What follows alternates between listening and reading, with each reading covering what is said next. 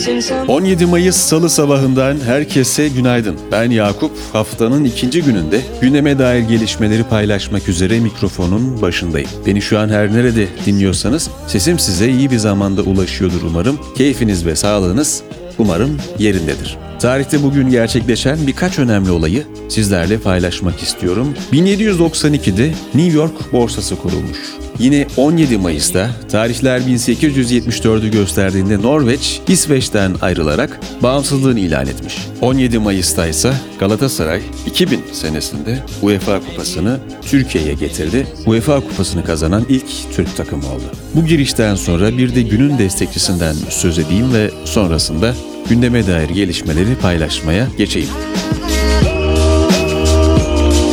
Şu anda dinlediğiniz bülten Mr. Usta destekleriyle ulaşıyor. Sizin yerinize ev işlerini halledecek pek çok ustayı kolayca bulmanızı sağlayan Mr. Usta, işin ehli ustalarla hızlı, güvenilir ve kaliteli bir hizmet sunuyor. Ayrıntılar bültende. Piyasalar ve ekonomi TÜİK, 2022'nin ilk çeyreğine ilişkin işsizlik rakamlarını açıkladı. Buna göre işsizlik ilk çeyrekte bir önceki çeyreğe göre 50 bin kişi artarak 3 milyon 845 bin kişi oldu. İşsizlik oranı ise 0,1 puanlık artışla %11,4 seviyesinde gerçekleşti. İstihdam edilenlerin sayısı bu yılın ilk çeyreğinde bir önceki çeyreğe göre 188 bin kişi artarak 29 milyon 964 bin kişi, istihdam oranı ise 0,1 puanlık artışla %46,6 oldu. 15-24 yaş grubunu kapsayan genç nüfusta işsizlik oranı bir önceki çeyreğe göre 0,3 puanlık azalışla %21,1 olarak kaydedildi. Dolar TL dün saat 14.50 itibarıyla 15,65 lira seviyesinden işlem görürken bu yılın zirvesini test etti. Böylece lirada dolara karşı değer kaybı %1,13'e yükseldi.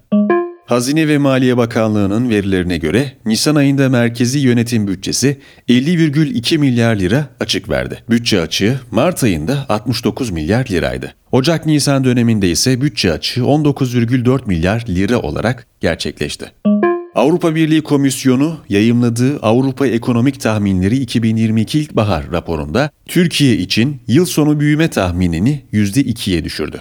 Raporda Türkiye ekonomisinin 2023'te %3 büyüyeceği, enflasyonun bu yıl %63,1, 2023'te %54,1 olacağı öngörüldü.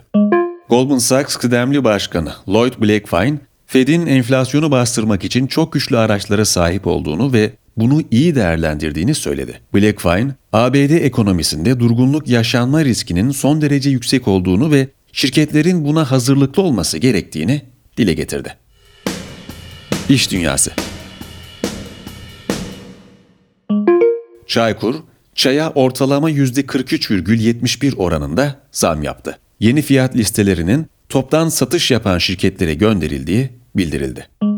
Otomotiv Sanayi Derneği, Nisan ayına ait üretim rakamlarıyla pazar verilerini açıkladı. Buna göre otomotiv üretimi Nisan ayında geçen yılın aynı ayına göre %3,2 artışla 107.167 adet oldu. Otomobil üretimi ise aynı dönemde %15,9 düşüşle 74.727 adetten 62.837 adete indi. İlaç Endüstrisi İşverenler Sendikası, ilaç fiyatlarının belirlenmesinde kullanılan avro kurunun 6,29'dan 11 seviyesine çıkarılması talebinde bulundu. Talebin gerçekleşmesi halinde ilaç fiyatlarına %75 zam gelecek. Yayla Agrogıda 11-13 Mayıs 2022 tarihleri arasında sabit fiyatla talep toplama yöntemiyle gerçekleştirilen halka arzında 2,6 kat talep aldı. Halka arz büyüklüğü 887,5 milyon lira oldu. Volkswagen, Scout markasını tamamen elektrikli bir pick-up ve SUV ile ABD'de yeniden piyasaya sürmeye hazırlandığını duyurdu. Prototipler 2023'te çıkacak, üretimin ise 2026'da başlaması planlanıyor. McDonald's, Rusya'da 847 restoran ve 62 bin kişiden oluşan iş ağını satmaya karar verdiğini duyurdu. Şirket, ülkedeki restoranlarını satacağını ancak marka hakkını elinde tutmaya devam edeceğini belirtti. Politika Finlandiya'nın ardından İsveç'te NATO'ya resmi üyelik başvurusunda bulunacağını açıkladı. İsveç Başbakanı Magdalena Andersson, İsveç ve İsveç halkı için olacak en iyi şey NATO'ya katılmak olacak dedi. İsveç ve Finlandiya Dışişleri Bakanlarının NATO üyeliği konusunda görüşmeler yapmak üzere Türkiye'ye geleceği belirtildi. Ayrıca İsveç, diplomatlardan oluşan bir heyeti müzakereler için Türkiye'ye göndereceğini açıkladı. Cumhurbaşkanı Erdoğan iki ülkenin bakanlarının ziyaretiyle ilgili pazartesi günü Türkiye'ye geleceklermiş. Bizi ikna etmeye mi gelecekler? Kusura bakmasınlar, yorulmasınlar dedi. Erdoğan, her şeyden önce Türkiye'ye yaptırım uygulayanların bu süreç içinde bir güvenlik örgütü olan NATO'ya girmelerine biz evet demeyiz ifadelerini kullandı. Cumhurbaşkanlığı Sözcüsü İbrahim Kalın, Rusya'nın Ukrayna'yı işgalini sona erdirecek bir anlaşma yapılabilmesi için Türkiye'nin yürüttüğü denge diplomasisinin devam ettirilmesi gerektiğini söyledi. AB Dış İlişkiler ve Güvenlik Politikaları Yüksek Temsilcisi Josep Borrell, Rusya'nın Ukrayna'yı işgalinin sonuçlarından endişe duyduklarını söyleyerek elektrik ve gıda fiyatlarındaki artışlar nedeniyle derin bir ekonomik krizle karşı karşıya kalacağız dedi. Fransa'da başbakanlık görevinden istifa eden Jean Castex'in yerine Elizabeth Byrne getirildi. Cumhurbaşkanlığından yapılan açıklamada Byrne'e hükümet kurma görevi verildiği bildirildi. Lübnan'da pazar günü yapılan genel seçimlerde resmi olmayan ilk sonuçlara göre İran destekli Hizbullah'ın büyük oy kaybı yaşadığı ve sağcı Lübnan Güçleri Partisi'nin oy oranlarını büyük oranda artırdığı açıklandı. Birleşik Krallık Başbakanı Boris Johnson, AB'yi Kuzey İrlanda'da yeni hükümetin kurulamaması nedeniyle suçlayarak umarım AB'nin pozisyonu değişir. Aksi halde bu konuda bir şeyler yapmamız gerekecek ifadelerini kullandı. Pınar Gültekin'in öldürülmesine ilişkin davanın 12. duruşması dün Muğla 3. Ağır Ceza Mahkemesi'nde görüldü. Kararın beklendiği duruşmada mahkeme, Cemal Metin Avcı'nın tutukluluk halinin devamına, sanık Mertcan Avcı'nın tutuklanması talebinin reddine karar verdi. Mertcan Avcı'ya adli kontrol şartı getirilirken duruşma 20 Haziran'a ertelendi. Teknoloji ve Startup Google ve Samsung işbirliğiyle kullanıcıların sağlık verilerini Android uygulamaları ve cihazları arasında senkronize etmelerini sağlayacak Health Connect isimli bir platform kurdu. Hyundai, 9-10 Mayıs tarihleri arasında resmi NFT internet sitesinde ilk özel Meta Mobility NFT koleksiyonu olan Shooting Star'ı piyasaya sunacak.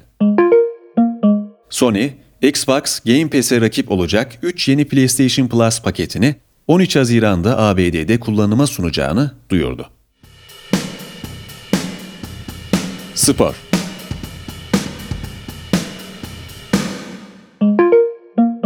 Türkiye, Brezilya'da düzenlenen 24. İşitme Engelliler Yaz Olimpiyatlarında 71 ülke arasında 7. sırada yer aldı. Milli sporcular 8 altın, 19 gümüş, 17 bronz olmak üzere toplam 44 madalya kazandı.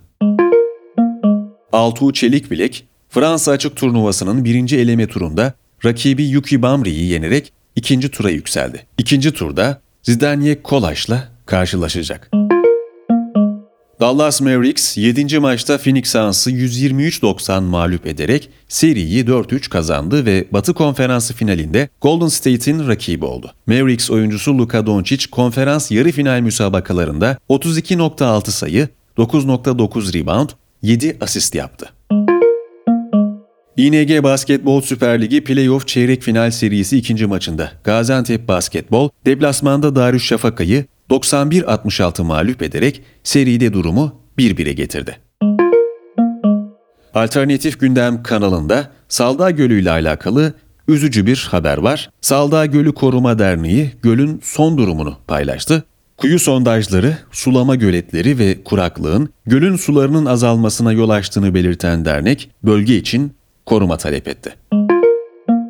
Günün hikayesinde ise Abdullah Esin çok önemli bir konuyu, çok önemli bir meseleyi odağa alıyor.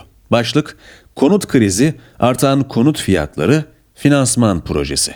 Günün hikayesindeki bu önemli yazıyı özellikle okumanızı, Abdullah Esin'in sizler için hazırladığı detaylara göz gezdirmenizi özellikle öneriyorum.